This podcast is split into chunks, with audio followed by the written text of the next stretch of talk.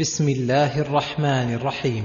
لإيلاف قريش إيلافهم رحلة الشتاء والصيف.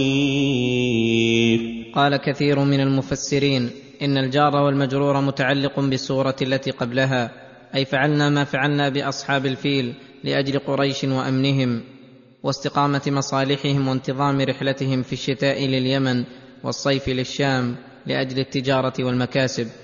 فأهلك الله من أرادهم بسوء وعظم أمر الحرم وأهله في قلوب العرب حتى احترموهم ولم يعترضوا لهم في أي سفر أرادوا.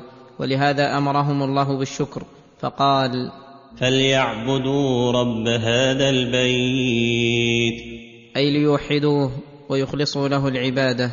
الذي أطعمهم من جوع وآمنهم من خوف.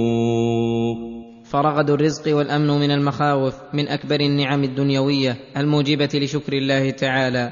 فلك اللهم الحمد والشكر على نعمك الظاهرة والباطنة وخص الله بالربوبية البيت لفضله وشرفه وإلا فهو رب كل شيء.